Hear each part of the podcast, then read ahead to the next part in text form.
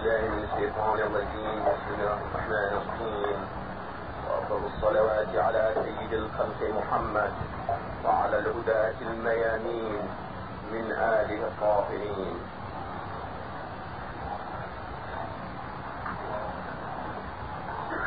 خرجنا مما سبق بنظرية تحليلية قرآنية كاملة لعناصر المجتمع.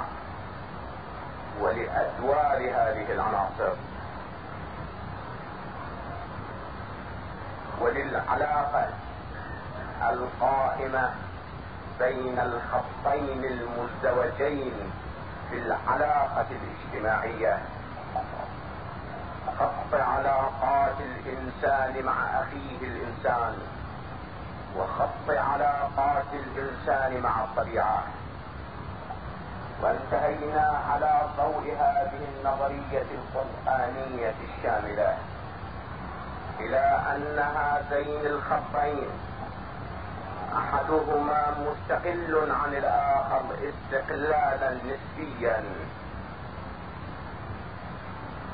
ولكن كل واحد منهما له نحو تأثير في الآخر. على الرغم من ذلك الاستقلال النسبي. وهذه النظرية القرآنية في تحليل عناصر المجتمع وفهم المجتمع فهما موضوعيا تشكل أساسا للاتجاه العام في التشريع الإسلامي. فإن التشريع الإسلامي في اتجاهاته العامة وخطوطه يتأثر وينبثق ويتفاعل مع وجهة النظر القرآنية والإسلامية إلى المجتمع وعناصره وأدوار هذه العناصر والعلاقات المتبادلة بين الخطين. هذه النظريات التي قرأناها والتي انتهينا إليها على ضوء المجموعة المذكورة سابقا من النصوص القرآنية. هذه النظريات هي في الحقيقة الأساس النظري للاتجاه العام للتشريع الإسلامي. فإن الاستقلال النسبي بين الخطين خط علاقات الإنسان مع أخيه الإنسان وخط علاقات الإنسان مع الطبيعة هذا الاستقلال النسبي يشكل القاعدة لعنصر الثبات في الشريعة الإسلامية والأساس لتلك المنطقة الثابتة من التشريع التي تحتوي على الأحكام العامة المنصوصة ذات الطابع الدائم المستمر في التشريع الإسلامي.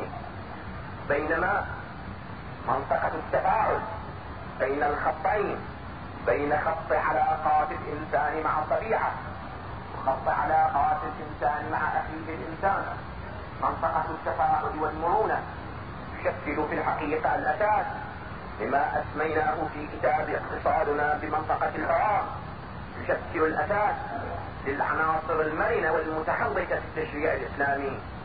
هذه العناصر المرنة والمتحركة في التشريع الإسلامي هي انعكاس تشريعي لواقع تلك المرونة وذلك التفاعل بين الخطين.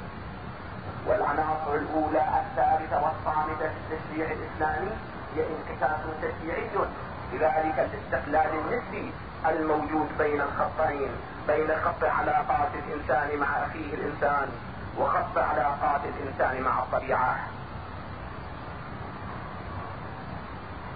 ومن هنا نؤمن بأن الصورة التشريعية الاسلامية الكاملة لمجتمع هي في الحقيقة تحتوي على جانبين تحتوي على عناصر ثابتة وتحتوي على عناصر متحركة.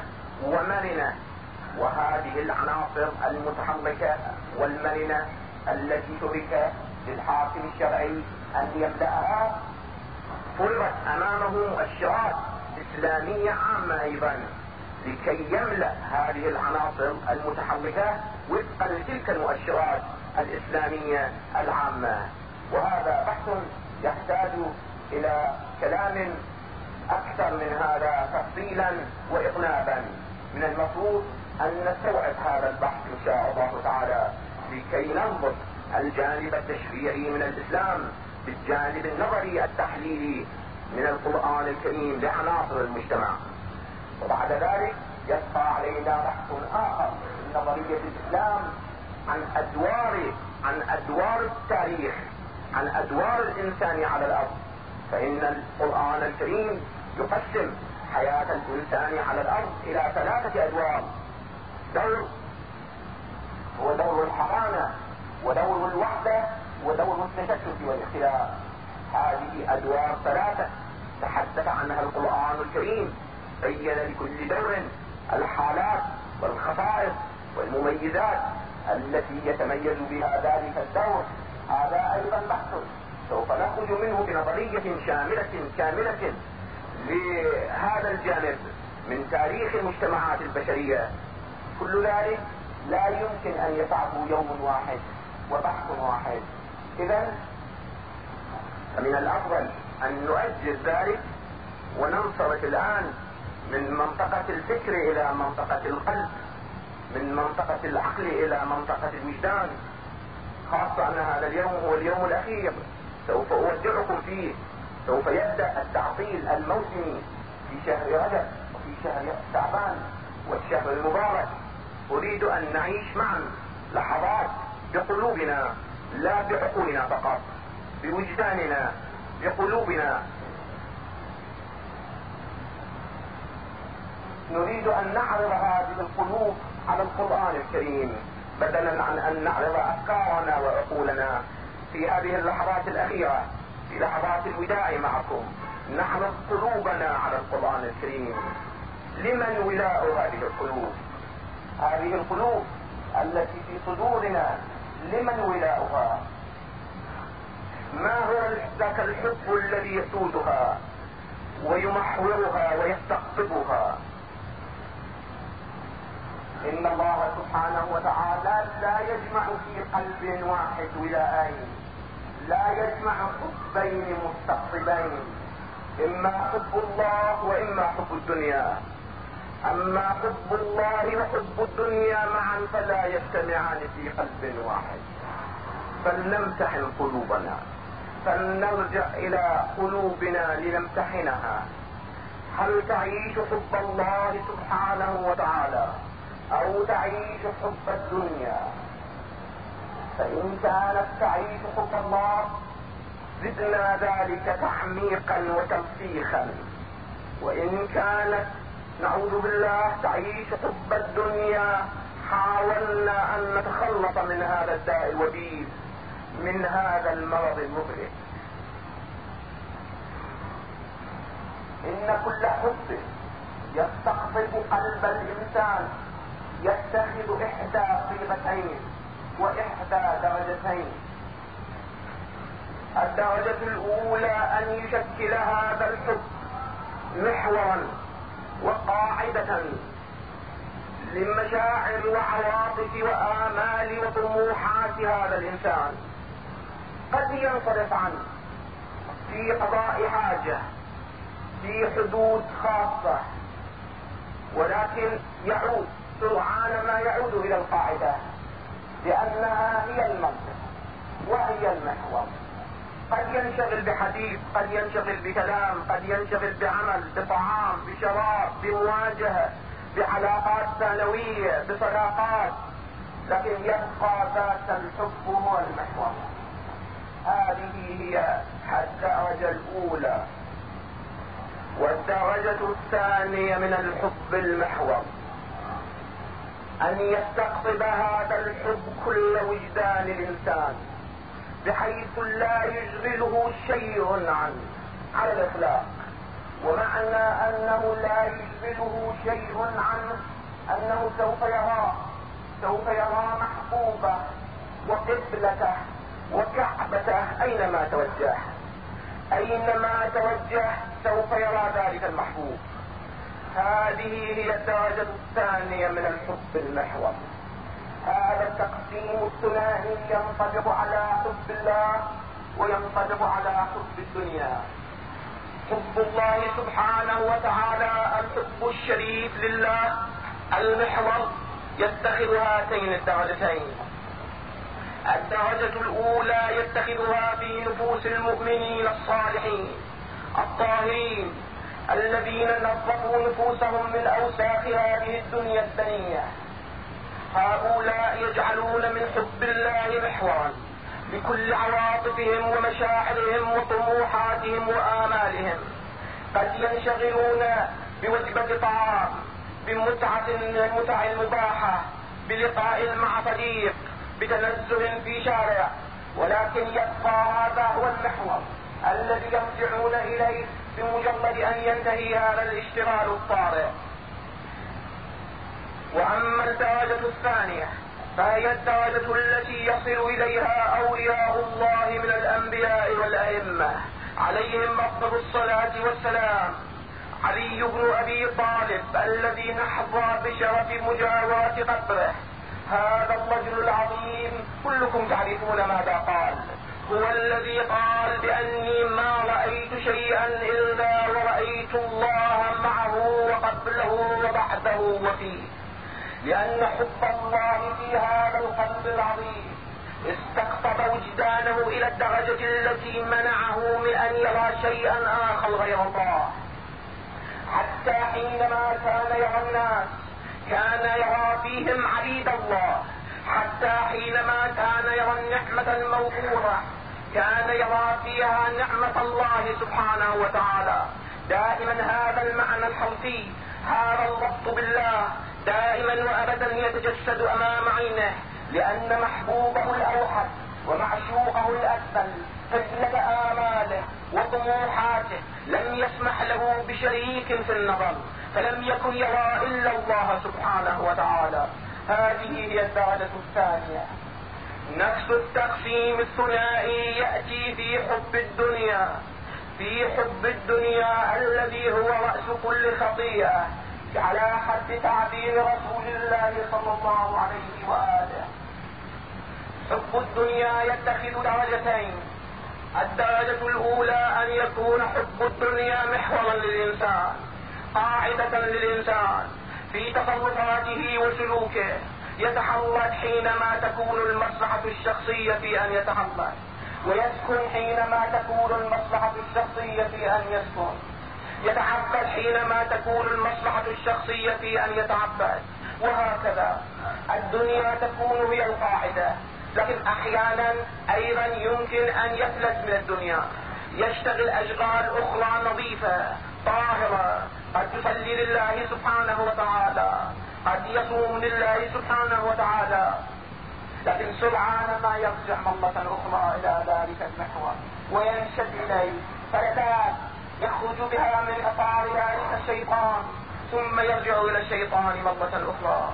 هذه درجة أخرى من هذا درجة أولى من هذا المرض الوبيل مرض حب الدنيا.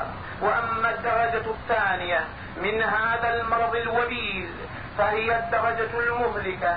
حينما يكون حب الدنيا حينما يعمي حب الدنيا هذا الإنسان يسد عليه كل منافذ الرؤية. يكون بالنسبة إلى الدنيا كما كان سيد الموحدين وأمير المؤمنين. بالنسبة إلى الله سبحانه وتعالى الله لم يكن يرى شيئا إلا وكان يرى الله معه وقبله وبعده. حب الدنيا في الدرجة الثانية يصل إلى مستوى بحيث أن الإنسان لا يرى شيئا إلا ويرى الدنيا فيها وقبلها وبعدها ومعها حتى الأعمال الصالحة تتحول عنده بمنظاره إلى دنيا تتحول عنده إلى متعة إلى مصلحة شخصية حتى الصلاة حتى الصيام حتى البحث حتى الدرس. هذا هذه الألوان كلها تتحول إلى دنيا. لا يمكنه أن يرى شيئا إلا من خلال الدنيا إلا من خلال مقدار ما يمكن لهذا العمل أن يعطيه يعطيه من حسنة مال أو من كومة جاه. لا لا يمكن أن يستمر معه إلا بضعة أيام معدودة. هذه هي الدرجة الثانية وكل من الدرجتين مهلكة. والدرجة الثانية أشد هلكة من الدرجة الأولى. ولهذا قال رسول الله صلى الله عليه وآله حب الدنيا رأس كل خطيئة. قال الإمام الصادق عليه الصلاة والسلام الدنيا كماء البحر من آه، شرب منها من ازداد شربا من ماء البحر ازداد عطشا. كلما شرب أكثر فأكثر من ماء البحر أصبح أكثر عطشا. لا تقل فلآخذ هذه الحفنه من الدنيا ثم انصرف عنها. فاحصل على هذا على هذه المرتبه من جاه الدنيا ثم انصرف إلى الله. ليس الأمر كذلك. فإن أي مقدار تحصل عليه من مال الدنيا من جاه الدنيا من مقامات هذه الدنيا الزائلة سوف يزداد بك العطش. والنهم إلى المرتبة الأخرى. الدنيا كماء البحر. الدنيا رأس كل خطيئة. رسول الله صلى الله عليه وآله يقول من أصبح وأكبر همه الدنيا فليس له من الله فليس له من الله شيء هذا الكلام يعني قطع الصلة مع الله يعني أن ولاءين لا يجتمعان في قلب واحد. من كان ولاؤه للدنيا من أصبح وكان أكبر همه الدنيا فليس له من الله شيء. ليس له صلة مع الله سبحانه وتعالى لأن ولاءين لا يجتمعان في قلب واحد. حب الدنيا رأس كل خطيئة. لأن حب الدنيا هو الذي يفرغ يفرغ الصلاة بمعناها. يفرغ الصيام من معناه يفرض كل عبادة من معناها ماذا يبقى من معنى لهذه العبادات؟ إذا استولى حب الدنيا على قلب الإنسان. أنا وأنتم نعرف أن أولئك الذين نؤاخذهم على ما عملوا مع أمير المؤمنين. أولئك لم يتركوا صلاة. ولم يتركوا صياما ولم يشربوا خمرا. على الأقل عدد كبير منهم لم يقوموا بشيء من هذا القبيل. لكنهم مع هذا ما هي قيمة هذه الصلاة؟ وما هي قيمة هذا الصيام؟ وما هي قيمة العفة عن شرب الخمر؟ إذا كان حب الدنيا هو الذي يملأ القلب. ما قيمة صلاة عبد الرحمن بن عوف؟ عبد الرحمن بن عوف كان صحابيا جليل القدر. كان من السابقين إلى الإسلام. كان ممن أسلم والناس كفار ومشركون. تربى على يد رسول الله صلى الله عليه وآله. عاش مع الوحي مع القرآن مع آيات الله تترى لكن ما زادها؟ ما زادها حينما فتح الله على المسلمين بلاد كسرى وقيصر. وكنوز كسرى وقيصر. ما زادها هذا الرجل المسكين؟ هذا الرجل المسكين ملأ قلبه حب الدنيا كان يصلي وكان يصوم ولكن ملأ قلبه حب الدنيا حينما وقف في خيار واحد بين عثمان وعلي إما أن يكون عثمان خليفة المسلمين وإما أن يكون علي خليفة المسلمين وهو يعلم أنه لو أعطى هذه الخلافة لعلي لاسعد المسلمين إلى أبد الدهر ولكنه يعلم أيضا أنه حينما يعطيها إلى عثمان فقد فتح في بذلك باب الفتن إلى آخر الدهر. يعلم بذلك وقد سمع ذلك من عمر نفسه أيضا ولكنه في هذا الخيار. غلب حب الدنيا على قلبه ضرب على يد عثمان وترك يد علي مبسوطة. تنتظر من يبايع جعل عثمان خليفة وأقصى عليا عن الخلافة.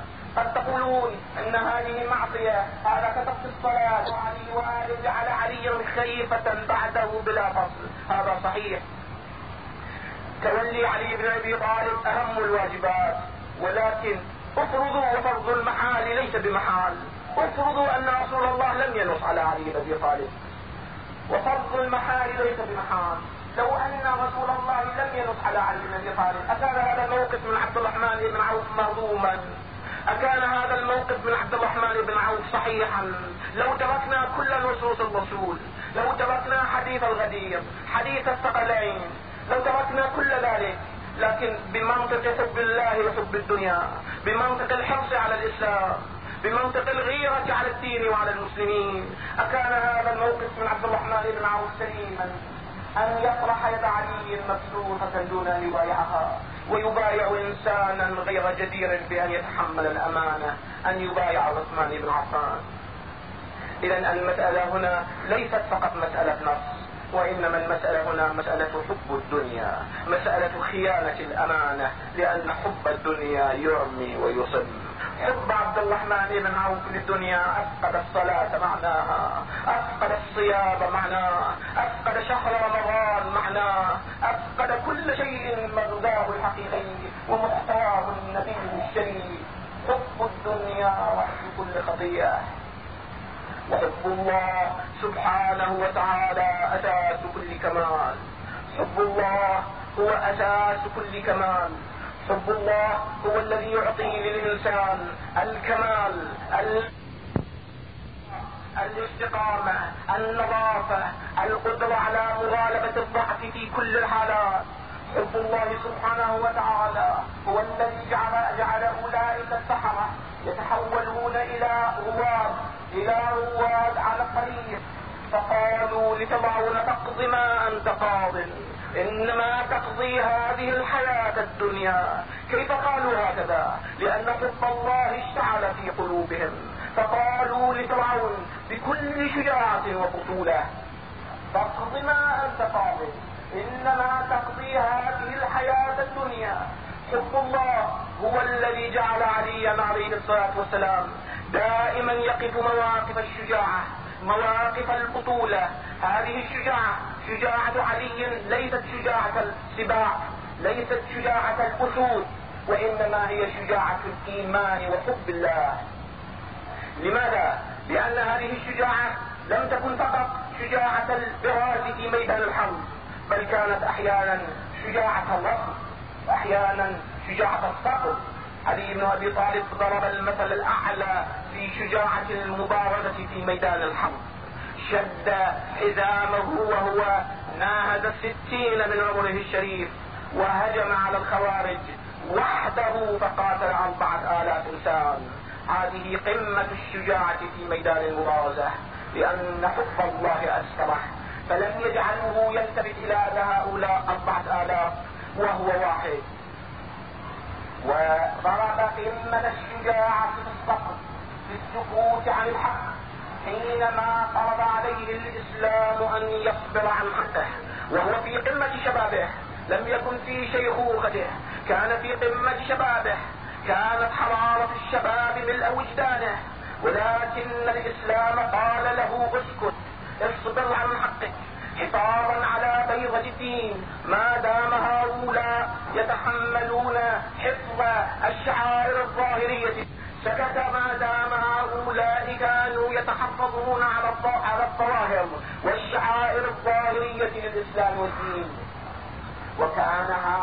قمة الشجاعة الصبر أيضا.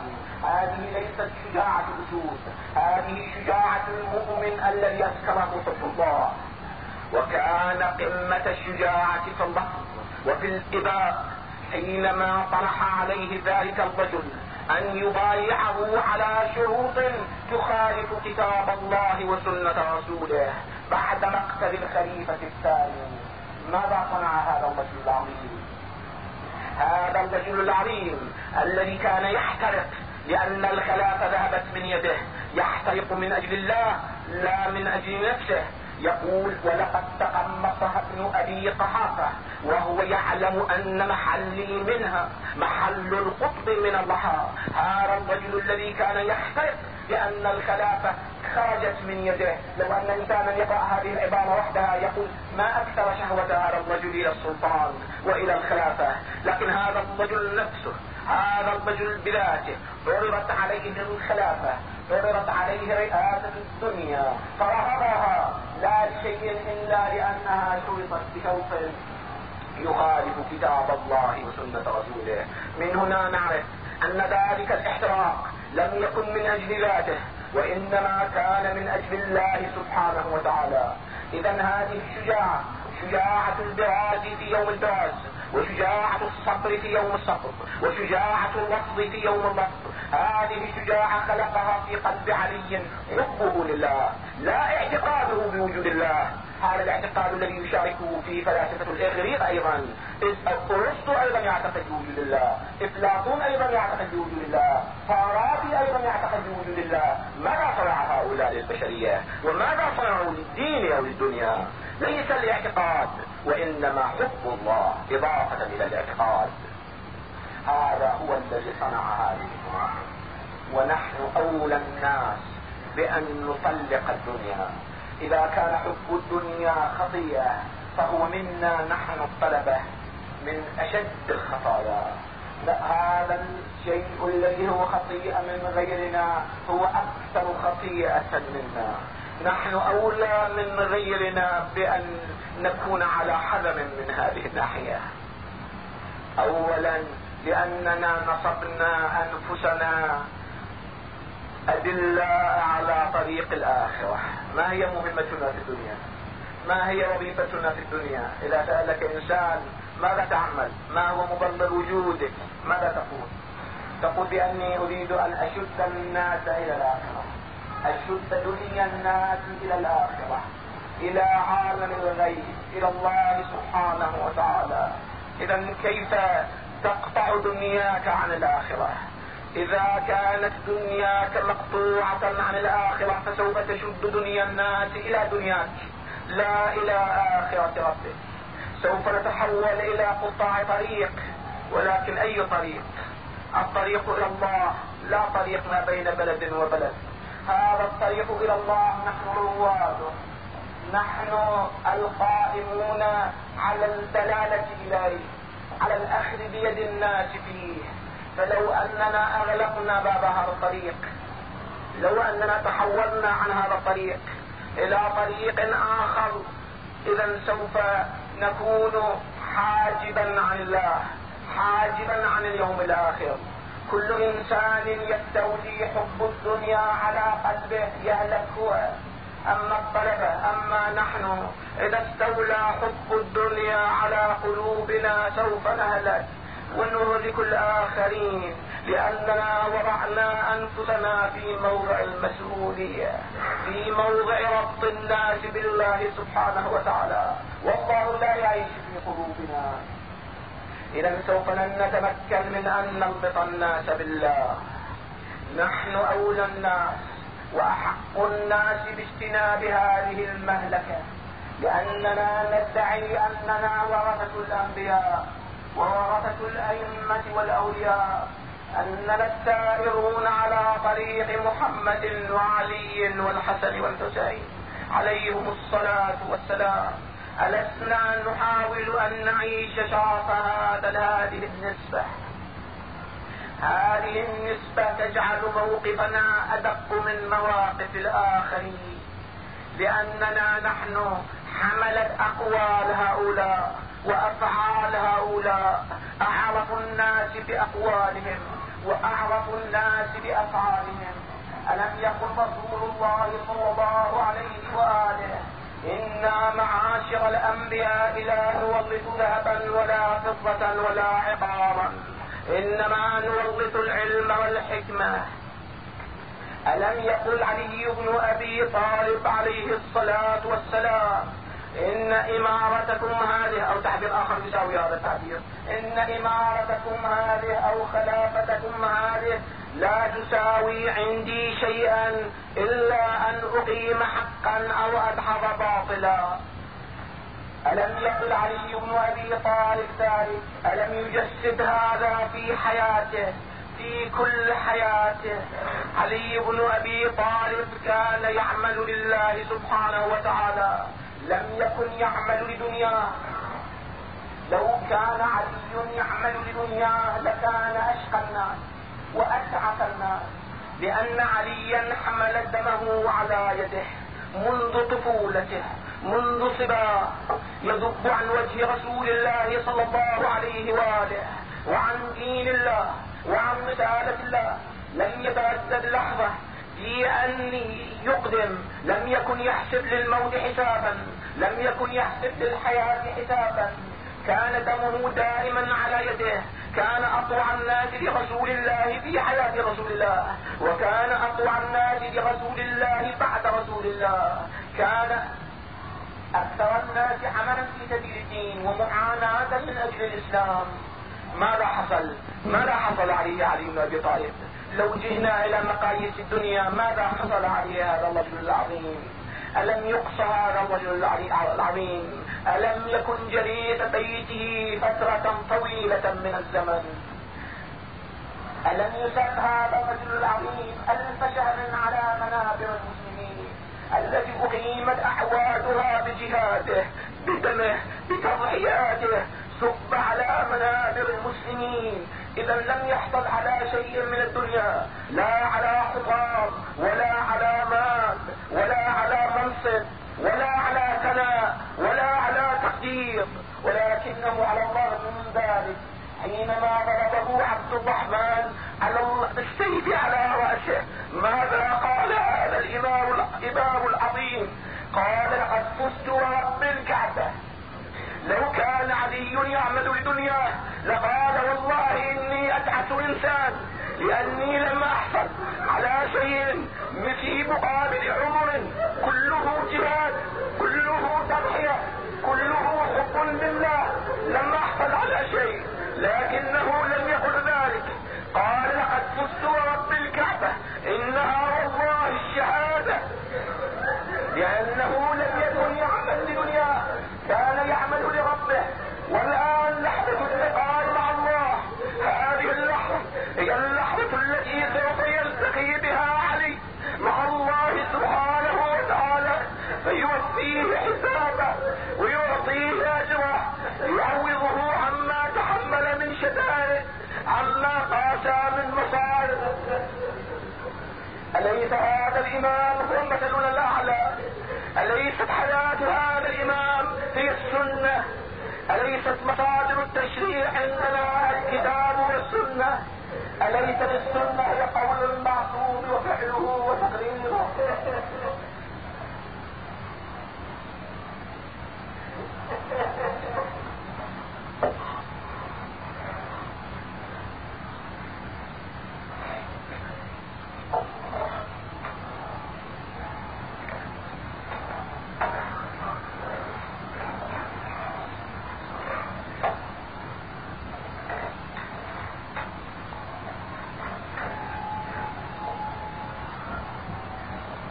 نحن أولى الناس بأن نحذر من حب الدنيا لأنه لا دنيا عندنا لكي نحبها. ماذا نحب؟ نحب الدنيا؟ إحنا الطلبة.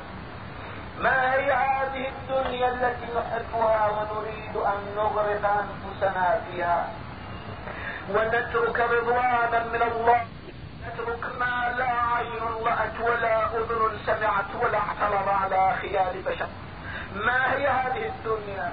هذه الدنيا دنيانا هي مجموعة من الأوهام. كل دنيا وهم لكن دنيانا أكثر وهما من دنيا الآخرين. مجموعة من الأوهام. ماذا نحصل من الدنيا؟ إلا على قدر محدود جدا. لسنا نحن أولئك الذين نهبوا أموال الدنيا. وتحدثنا عنهم قبل أيام. لسنا نحن أولئك الذين تركع الدنيا بين أيدينا لكي نؤثر الدنيا على الآخرة. دنيا هارون الرشيد كانت عظيمة. قيسوا أنفسنا نقيس نقيس أنفسنا بهارون الرشيد. هارون الرشيد نسبه ليلا نهارا لأنه غرق في حب الدنيا. لكن تعلمون أي دنيا غرق فيها هارون الرشيد؟ أي قصور مرتفعة عاش فيها هارون الرشيد أي قدح وترف كان يحصل عليه هارون الرشيد أي زعامة وخلافة وسلطان امتد مع أرجاء الدنيا حصل عليها هارون الرشيد هذه الدنيا هارون الرشيد نحن نقول باننا افضل من هارون الرشيد اورع من هارون الرشيد اتقى من هارون الرشيد آه عجبا إحنا عرضت علينا دنيا هارون الرشيد. فرفضناها حتى نكون اورع من هارون الرشيد. يا أولادي يا إخواني يا أعزائي يا أبناء علي. هل عرضت علينا دنيا هارون وشيد لا. عرضت علينا عرض علينا دنيا هزيلة محدودة ضئيلة. دنيا ما أسرع ما تتفتت. ما أسرع ما تدور. دنيا لا يستطيع الإنسان أن يتمدد فيها كما كان يتمدد هارون الرشيد. هارون الرشيد يلتفت إلى السحاب يقول لا أينما تمطرين يأتيني خراجك. في سبيل هذه الدنيا سجل موسى بن جعفر. هل جربنا أن هذه الدنيا تأتي بيدنا ثم لا نسجن موسى بن جعفر؟ جربنا أنفسنا. سألنا أنفسنا. طرحنا هذا السؤال على أنفسنا. كل واحد منا يطرح هذا السؤال على نفسه بينه وبين الله. أن هذه الدنيا دنيا هارون الرشيد كلفته أن يسجن موسى بن جعفر. هل وضعت هذه الدنيا أمامنا لكي نفكر في أننا أتقى من هارون من هارون الرشيد. ما هي دنيانا؟ هي مسخ من الدنيا. هي أوهام من الدنيا. ليس فيها حقيقة. إلا حقيقة رضا الله سبحانه وتعالى إلا حقيقة رضوان الله. كل طلبة حاله حال علي بن أبي طالب. إذا كان يعمل للدنيا فهو أسعد الناس. لأن أبواب الدنيا مفتوحة خاصة إذا كان الطلب له قابلية له إمكانية له ذكاء له قابليات. هذا أبواب الدنيا مفتوحة إذا كان يعمل للدنيا فهو أسعد الناس. لأنه سوف يخسر الدنيا والآخرة. لا دنيا طلب دنيا ولا الآخرة يحصل عليها. فليكن همنا أن نعمل للآخرة أن نعيش في قلوبنا حب الله سبحانه وتعالى. بدلا عن حب الدنيا لأنه لا دنيا معتد بها عندنا. الأئمة عليهم الصلاة والسلام علمونا بأن تذكر الموت دائما يكون من العلاجات المفيدة لحب الدنيا. أن يتذكر الإنسان الموت. كل واحد منا يعتقد بأن كل من عليها فان. لكن القضية دائما وابدا لا يجسدها بالنسبة إلى نفسه. من العلاجات المفيدة أن يجسدها بالنسبة إلى نفسه. دائما يتصور بأنه يمكن أن يموت بين لحظة أخرى. كل واحد منا يوجد لديه أصدقاء ماتوا إخوان انتقلوا من هذه الدار إلى الدار الأخرى. أبي لم يعش في الحياة أكثر مما عشت حتى الآن. أخي لم يعش في الحياة أكثر مما عشت حتى الآن. أنا الآن استوفيت هذا العمر. من المعقول جدا أن أموت في السن الذي مات فيه أبي. من المعقول جدا أن أموت في السن التي مات فيها أخي. كل واحد منا لابد ان يكون له قدوة من هذا القبيل. لابد وأن أحباب له قد رحلوا. أعزاء له قد انتقلوا. لم يبق من طموحاتهم شيء. لم يبق من آمالهم شيء. إن كانوا قد عملوا للآخرة فقد رحلوا إلى مليك مقتدر إلى مقعد صدق عند مليك مقتدر. وإذا كانوا قد عملوا للدنيا فقد انتهى كل شيء بالنسبة اليهم هذه عبر هذه العبر التي علمنا الأئمة عليهم الصلاة والسلام أن نستحضرها دائما تكسر فينا شرح الحياة. ما هي هذه الحياة؟ لعلها أيام فقط لعلها أشهر فقط لعلها سنوات لماذا نعمل دائما ونحرص دائما على أساس أنها حياة طويلة؟ لعلنا لا ندافع إلا عن عشرة أيام إلا عن